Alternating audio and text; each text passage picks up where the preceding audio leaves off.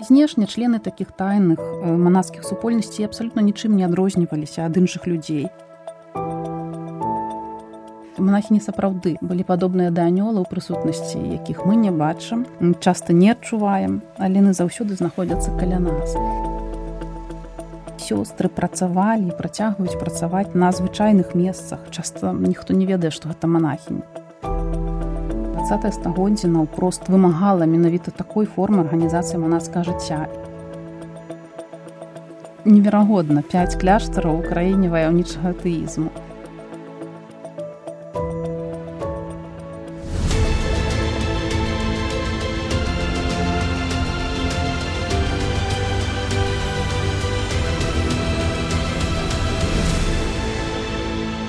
Старонкі гісторыі.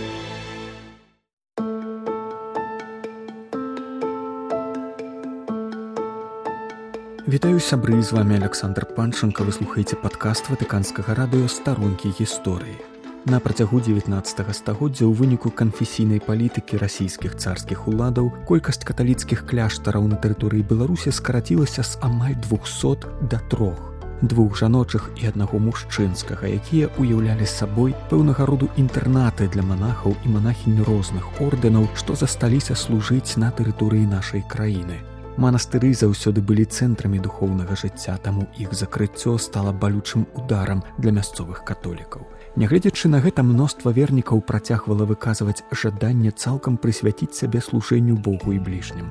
Так з'явілася неабходнасць у пошуку новых форм манаскага жыцця. Ён вылеўся ў з'яўленне вялікай колькасці патаемных, канспіратыўных манаскіх супольнасцей, члены якіх не насілі манаскае адзенне, але жылі сходна са статутамі ордэнаў і працягвалі займацца евангелізацыяй і клопатам пра бедных, не вылучаючыся сярод людзей.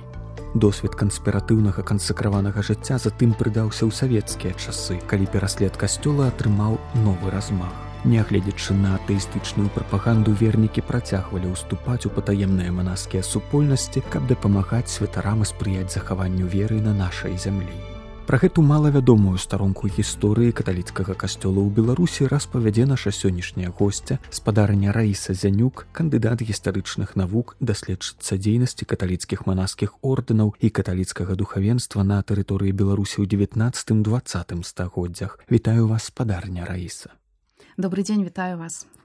Давайте больш падрабязна пагаворым пра тое з чым была звязана патрэба ва ўзнікненні тайных манаскіх супольнасцей ведаеце на тэрыторыі беларуска-літоўскіх і польскіх зямель часам калі пачалі стварацца так званыя тайныя кангрэгацыі стала 19 стагоддзе. І прычыны которые паўплывалі на ўзнікненне гэтай з'явы трэба шукаць акурат у тагачаснай грамадска-палітычнай сітуацыі на наших землях. і Дык вось пасля падзелаў рэчапаспалітай далучэння беларуска-літоўскіх зямель латвійскіх таксама польскіх украінскіх да расійскай імперыі. Канфесійная сітуацыя у выніку палітыкі урадавай змянілася. І пасля першага адносна стабільнага перыяду з 30 гадоў 19 стагоддзя назіралася абвастрэнне дзяржаўных мер адносна каталіцкага касцёла І вось пасля падаўлення паўстання 1830-31 гадоў мерапрыемствы гэты сталі наўпрост рэпрэсіўнымі. Бываліся масавыя хвалі касацыі каталіцкіх кляштараў, іх маёмасць, а таксама маёмасць тых кляштараў, которые працягвалі дзейнасць, яна была забраная ў казну. І пасля паўстання ўжо 1863-64 гадоў на працягу 10 год былі скасаваны апошнія кляштары, а дзейнасць на тэрыторыі беларусі працягнулі толькі тры з іх. Гэта адзін мужчынскі францысканскі ў гродні і два жаночыя пернардзінкі ў слонямі і брыгіткі ў гродні.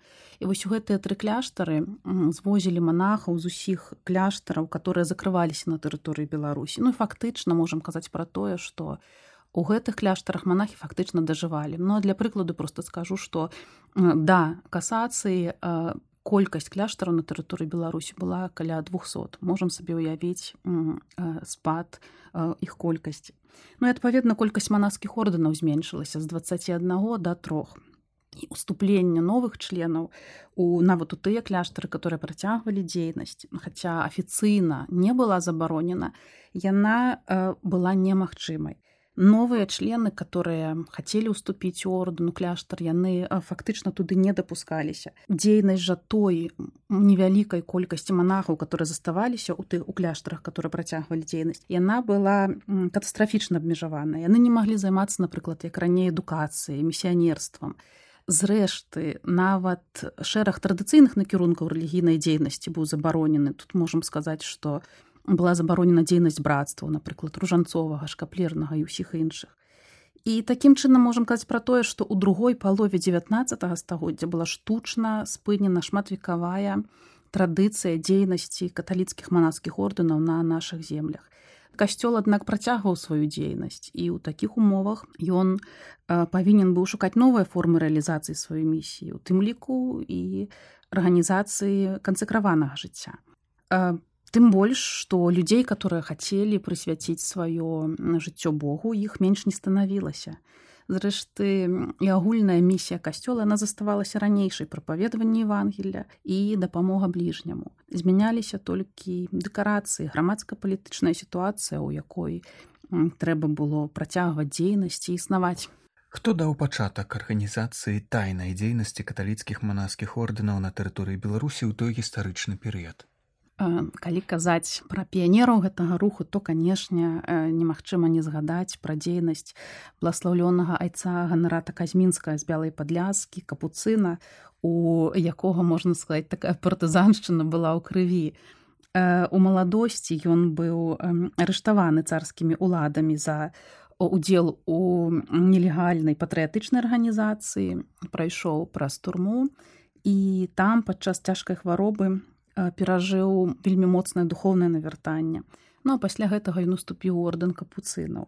І вось ён казаў Езус прыйшоў да мяне ў вязніцкую камеру і далікатна прывёў да веры як мы ўжо згадвалі дзейнасць манаскага духавенства на землях якія апынуліся ў складзе расійскай імперыі была тады практычна забаронена. Але ганарад казьмінскі вырашыў што пан бог хоча каб мы былі тут таму тут мы і будзем працаваць вельмі вядомы ганарад казьмінскі са сваёй дзейнасці экспаведніка і вось падчас споведзі у ходзе размоў з пенітэнтамі ён мог асабіста пераканацца колькі людзей хоча прысвяціць сябе манаскаму жыццю. І паколькі легальнай магчымасці для гэтага не было отец ганарад казьмінскі пачаў фарміраваць тайныя групы кансакраваных асоб. Іх члены не маглі адкрыта насіць манаскую вопратку ці мець нейкія іншыя адметныя адзнакі прыналежнасці да манаства Такім чынам ганарад казьмінскі пачаў ствараць так званыя бесхабітовыя супольнасці члены якіх не насілі хабіт традыцыйнае адзення манахаў.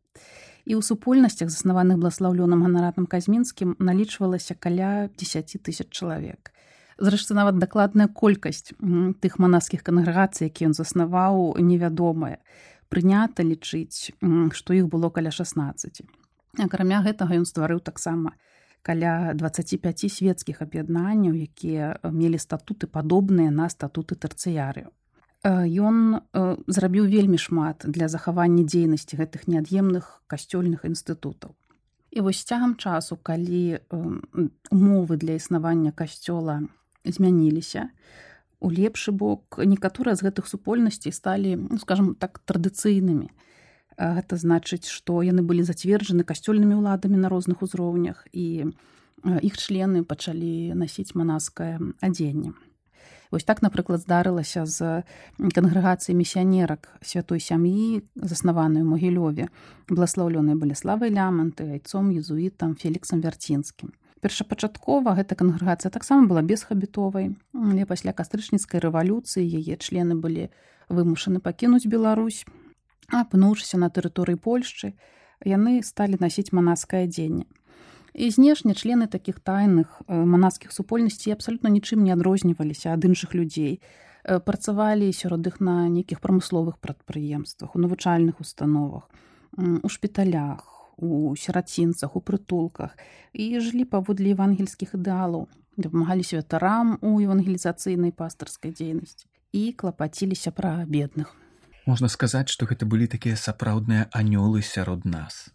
А, так сапраўды адна з самых актыўных на тэрыторыі беларусі тайных кангрэгацый якраз і носіць назву сёстры ад анёлаў яе заснаваў наш зямляк біскуп вінцэнт ключынскі які паходзіў шаркаўшчыны пасля заканчэння віленскай духоўнай семінарыі пецярбургскай духоўнай акадэміі ён стаў арцыбіскупам магілёўскім дык вось падчас служэння ў вільні ён вельмі цесна супрацоўнічаў з зайцом ганаратам казьмінскім дапамагаў яму заснаванні тайных манаскіх супольнасцей. Біскуп ключынскі быў спаведніком сястры браніславы станкович віленскай манахіні стайнай кангрэгацыі дачок сэрца мары яна тады працавала настаўніцай у школе і разам яны абмяркоўвалі патрэбы касцёла на віленшчыне якая тады ахоплівала значную частку беларусі і прыйшлі да высновы што для выканання асаблівага служэння на гэтай тэрыторыі. Патрэбна новая супольнасць якая будзе дапамагаць святарам і заахвочваць да апостальства свецкіх вернікаў.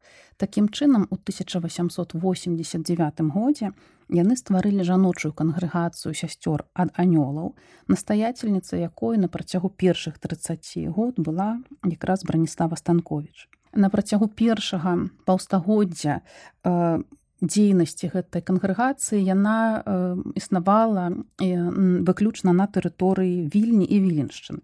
Монахі не сапраўды былі падобныя да анёла ў прысутнасці якіх мы не бачым часта не адчуваем але яны заўсёды знаходзяцца каля нас. і сёстры працавалі працягваюць працаваць на звычайных месцах. Часто ніхто не ведае што гэта монахінь іх праца па актывізацыі свецкіх да апостальства аказалася на той момант найбольш перадавой і ў большай ступені э, актуальнай для сучаснага касцёла. І рэалізаваць гэтую місію аказалася магчымым ва ўмовах канспірацыі. Зрэшты да сярэдзіны два стагоддзя сёстры аданёлаў складалі абяцанне маўчання. Ніхто не ведаў што яны належаць да кангрэгацыі Здаецца, што на беларускіх і літоўскіх землях заснаванне анелянак стала прароцкім учынкам. Гэта супольнасць аказалася вельмі патрэбнай і важнай для касцёла таксама і на працягу два стагоддзя. Так, як мне падаецца два стагоддзя наўпрост вымагала менавіта такой формы арганізацыі манацка жыцця і калі б я не існавала да таго, яна абавязкова павінна была б узнікнуць у тых умовах. І тут я маю на увазе менавіта дзейнасць ва ўмовах савецкай рэчаіснасці савецкай канфесійнай палітыкі. Нашмат прасцей было быць прынамсі для ўладаў звычайнай касцёльнай кабетай, чым манахіняй. І вось у той час сёстры супрацоўнічалі са святарамі, катэхізавалі, займаліся сакрыстай, парфіяльнымі канцылярыямі, шылі літургічную вопратку, вышывалі пяклі камуніканты і многа іншае. І гэта ўсё на фоне звычайнай працы на свецкіх пасадах. Сёстры звычайна жылі і працавалі не ў вялікіх гарадах а ў невялікіх населеных пунктах альбо вёсках. І наколькі шырокай была дзейнасць кангрэгацыі сясцёр анелянак на тэрыторыі бСр у выніку зменаў дзяржаўных меж пасля другой сусветнай вайны першапачаткова на тэрыторыі бСр заставаўся дзейнічаць толькі адзін дом сясцёр анелянак ён быў у ваўкавыску. Тайна там служылі ўсяго дзве манахіні. Ён праіснаваў да 1976 года калі адна ўжо абсалютна хворая сястра якая там працавала на працягу апошніх 20 год была перавезеная ў красная недалёка ад мінска. Рэшта як дамоў так і сясцёр апынуліся на тэрыторыі літоўскай ссср У перыяд з 1946 па пачатак 50-х гадоў шмат сясцёр былі арыштаваны і адпраўлены ў лагеры. Аднак пачынаючы з сярэдзіны 50-х гадоў у выніку перагляду спраў сёстры вярталіся на свае месцы. Частка з тых, хто быў вызвалены з лагераў, той час выехала ў Польшчу. Аднак тыя, хто засталіся, працягвалі працу. У выніку паступова колькасць дамоў сясцёра нелянак у БСР павялічылася аж да 5 это разам з ваўкавыскам неверагодна пяць кляштараў у краіне ваяўнічага тэізму. Гэта было магчыма выключна дзякуючы тайнаму і бесхабітовым характару кангрэгацыі. А дзе былі гэтыя дамы? Звычайна іх стараліся арганізаваць там, дзе былі дзейнічаючыя касцёлы. І вось такім чынам паўсталі дамы ў баранавічах, у красным, у мядзведзічах, але быў адзін дом сясцёру на тэрыторыі ўсходняй беларусі там дзе улады не дазвалялі рэгістрацыю аніводнага касцёла. Гэта быў дом у магілёве. І працавалі ў гэтых мясцовасцях сёстры якія зусім нядаўна ўступілі ў кангрэгацыю і ўлады не суадносілі іх з тымі супольнасцямі дзейнасці якіх была раскрыта. То бок у такіх умовах умовах канспірацыі і арыштаў неспрыяльнай палітыкі ўсё адно ў кангрэгацыі былі новыя пакліканні. Ведаеце па чалавечы кажучы як это не дзіўна. Напрыклад 1948 годзе ў ў навіцыяце это такі перыяд падрыхтоўкі да ўступлення ордэн навіцыят распачалі у анілянак 5 жанчын дамы сясцёр анілянак паўставалі пры дзейнічаючых касцёлах у якіх былі святары. Ці вядома хто з тагачаснага беларускага духавенства супрацоўнічаў з гэтай манаскай супольнасцю або выступаў з ініцыятывай з'яўлення сясцёр анілянак у той ці іншай мясцовасці канешне вядома напрыклад у баранавічах сёстры супрацоўнічалі з ксяндзом станіславам рагоўскім там анілянкі з'явіліся каля 1961 года. Яны выконвалі розныя служэнні дапамага даглядалі старэнькіх людзей а таксама працавалі пры касцёле прыбіралі дапамагалі ў сакрысты з 1978 года калі там пачаў працаваць ксёнз антоні гей сёстры пачалі катэхізаваць дзяцей дапамагаць у падрыхтоўцы да першай камуніі катэхізавалі звычайна па хатах у людзей. Па ўспамінах часта для для правядзення катэхезы яны выкарыстоўвалі якую-нибудь такую відавочную нагоду напрыклад дзень народзінаў. Это дазваляла ахапіць больш вернікаў. І тут вельмі неверагодная з'ява але з канца 70-х гадоў там у баранавічах сёстры ксёнз умудраліся арганізоўваць пешыя пілігрымкі ў вільню да маці божай вастрабрамскай. Адбывалася гэта пад выглядам краязнаўчых паходаў. Начавалі ў намётах а падчас прывалаў дзесьці ў лесе ксёнз які прыязджаў а не ішоў разам ён адпраўляў імшу ну а сёстры падчас уласна пілігрымавання адказвалі за малітву. І вось такая пілігрымка праіснавала сем год з 1979 да 1985 года. За гэтыя сем год яна змагла разрасціся да амаль 40 чалавек. Ну і вядома на такую групу ўжо звярнулі увагу органы у выніку гэтая традыцыя на жаль перарвалася. Іншы прыклад служэння аніляна гэта іх дзейнасць у мястэчку красная у 1964 годзе туды іх запрасіў езуіт ксён юзеф марсангер. Ён попрасіў сясцёр абслугоўваць касцёл а таксама выконваць сакратарскія абавязкі у тым ліку па камунікацыі з уладамі у красным быў нават фармацыйны дом для сясцёра ксён юзах быў іх духоўным кіраўніком як і паўсюль сёстры тут далучыліся да катэхізацыі але ў красным вельмі важнай формай дзейнасці сясцёр стала э, трошачки іншая. Тут яны прымалі шматлікіх вернікаў, якія прыязджалі ў красненскі касцёл, які, як я думаю, многія ведаюць, выконваў функцыю сталічнага. Зрэшты, у красныя на вялікія касцёльныя святы збіраліся людзі з усёй цэнтральнай усходняй Беларусі. Гасцініцы ў мястэчку не было. Затое ў часы барацьбы з рэлігіяй тут фактычна дзейнічаў дом пілігрыма дом сясцёра нелянак. Менавіта тут прыезжыя маглі спыніцца на начлег і атрымаць пасілкі падаецца это таксама ў пэўным пэўнай ступені неверагоднай гісторыі такая актыўнасць сясцёр канешне знізілася пасля пераводу ксяндза юзефа марсангера ў солы ў 1968 годзе. Аднак яна не знікла. І вось дзейнасць гэтага дома спынілася ў 80-х годах два стагоддзя. Вы згадвалі пра дзейнасць дому анілянак таксама на ўсходзе беларусі ў магілёве так як і ў красным дом анілянак у магілёве распачаў дзейнасць у 1964 годзе. Аб тым каб сюды прыехалі сёстры пакалпаціўся ксёнз мечыслаў малыныч святар які не маючы рэгістрацыю якую насуперак заканадаўству яму не давалі ўлады у пасляваенны час жыў у слуцку а фактычна абслугоўваў усю ўсходнюю тэрыторыю бСр разам з ксяндзом шутовічам які жыў барысаве так вось ксёнз мечыслав малыныч набыў у магілёве дом дзе пасяліліся дзве сястры-анілянкі і у гэтым доме падчас прыезда ў магілёў спыняўся сам ксёнз малыныч а сёстры традыцыйна катэхізавалі арганізоўвалі людзей на імшы калі прыязджаў ксёнз малыныч а таксама змагаліся за вяртанне касцёла ў магілёве. Перадусім праз э, лісты ва ўсе магчымыя савецкія інстанцыі паездкі на прыём да уладаў у доме сясцёр захоўваўся на свяцейшы сакрамент і сёстры самі прымалі камунію а таксама удзялялі яе людзям якіх ведалі пасля смерці ксяндза малыніча яны па меры магчымасці спрабавалі арганізаваць прыезды святароў раз на месяц у магілёў. Калі здаралася так што гэта было немагчыма сёстры ездзілі ў вільню прывозілі на свяцейшы сакрамант і раздавалі яго вернікам яшчэ адзін дом сясцёра нелянак распачаў дзейнасць у мядзведзічах у 1969 годзе. Там дзейнічаў касцёл у якім працаваў ксён свацлаў пянткоўскі і пры гэтым касцёле фактычна існавала тайная семінарыя праз якую таксама прайшоў допустим наш цяперашні біскуп антоні дзім'янка тут за працу узяліся дзве сястры якія поўнасцю узялі на сябе клопат пра касцёл то бок пра сакрыстую пра аздабленне ігралі на аргане а таксама выраблялі тут камуніканты як і паўсюль тут сёстры далучыліся да катэхізацыі і акурат у доме сясцёр спыняліся маладыя людзі якіх ён спянткоўскі тайна рыхтаваў да святарства. І вось гэты дом існаваў да пачатку 90-х гадоў два стагоддзя А ўжо ў 80-х годах у 1984 годзе паўстаў дом сесцёра нялянак у мінску. Ці вядома было савецкім уладам пра такую тайную дзейнасць на тэрыторыі БССР каталіцкіх манаскіх кангрэгацый.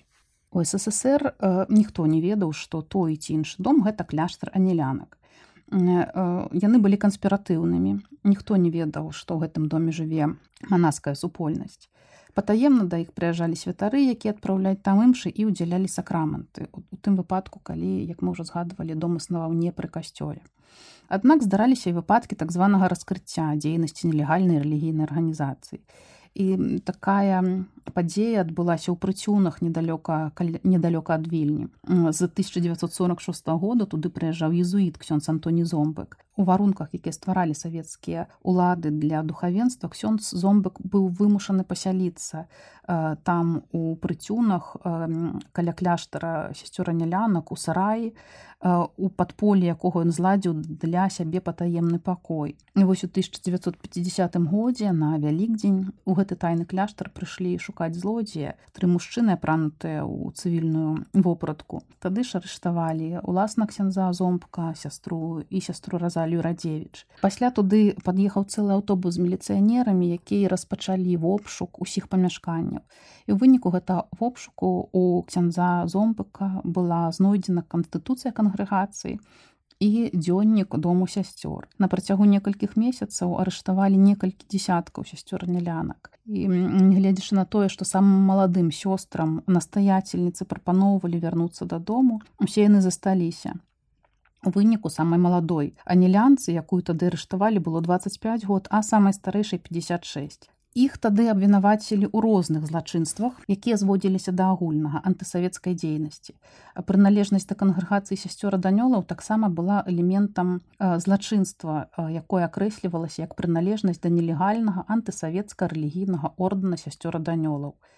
І тут не на руку сёстрам прыйшоўся акурат характар кангрэгацыі. Яна была заснавана на папскім праве, гэта значыць была зацверджана не проста мясцовым біскупам, але апостальскай сталіцай і падпарадкоўвалася ёй. Гэта было расцэнена як супрацоўніцтва з варожай арганізацыяй, з варожай дзяржавай і у выніку на волі засталося толькі 19 анілянак, пераважна вельмі старых і хворых. Сярод сясцёр у савецкі час было шмат асуджаных на турмы і лагеры. Ці вядома штосьці пра іх знаходжанне там. Канешне, сёння пераважна сёстры парупіліся пра тое, каб выдаць лісты сясцёр э, з лагераў іх успаміны і ўспаміны іншых людзей пра сясцёр. Дык вось паводле гэтых успамінаў сёстры ў лагерах капалі каналы, разгружалі вагоны, працавалі ў каменаломнях, хвалілі лес. А, а тыя, хто былі залічаны да хворых альбо да інвалідаў, усё роўна цягалі ваду са студні насілі э, дрэвы адначасова таксама як вынікае з гэтых успамінаў сёстры працягвалі жыць у адпаведнасці з харызматам кангрэгацыі. Нават у лагерах яны былі для людзей такімі анёламі ў тых складаных нават нечалавечых умовах. Перадусім канешне яны працягвалі маліцца час на дарогу да працы з працы яны выкарыстоўвалі для малітвы.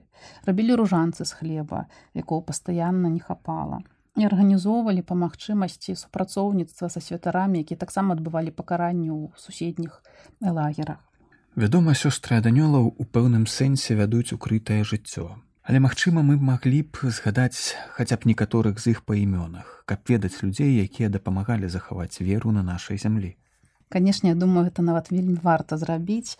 На працягу 20 год. У з 1956 по 1976 год у ваўкавыску працавала толькі адна сястра сястра юзефа пякарская яна абслугоўвала касцёл арганізоўвала працэсіі катэхізавала клапацілася пра старэнькіх людзей у мядзведзічах працавала сястра юлія стапчык якая там іграла на аргані катэхізавала і пякла камуніканты ну, красным напрыклад працавала сястра ядвіга вайцяховіч якая выконвала працу сакратара у парафіі а сястра яніна вайцяховіч займалася працай у касцёле і доглядам за старымі. Але напэўна найбольш вядомай сясцёра данёла з'яўляецца ванда банішеўская яна нарадзілася ў каменцы недалёка аднава грудка і уступіла ў кангрэгацыю вільні. Была арыштавана вось у э, прыцюнах пра якія мы згадвалі. Прайшла праз савецкія турмы і лагеры была містычкай атрымала дар стыгматаў ахвяроўвала свае пакуты за святароў. Зараз ідзе працэс яе бетыфікацыі але мою думку гісторыя ванды банішеўскай вартая асобнай перадачы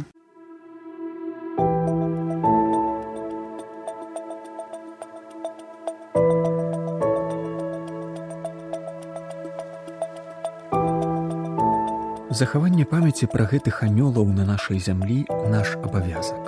І гераічнае ахвярнае служэнне вельмі дапамагло захаваць веру і пакінула шматлікіх сведкаў, якія працягваюць натхняць нас і клапаціцца пра нас з неба памятаць пра гэту гераічную старонку гісторыі нашага касцёла трэба не толькі для таго, каб аддаць даніну пашаны членам тайных кангрэгацый, але таксама каб ніколі не забываць, што цяжкія умовы сітуацыі забаронаў і пераследу не павінны станавіцца прычынай для роспачы, але нагодай для крэатыўнага пошуку новых форм служэння Богу і бліжнім. Бо як кажа папа францішак, кожны крызіс гэта магчымасць, якая не павінна быць змарнавана.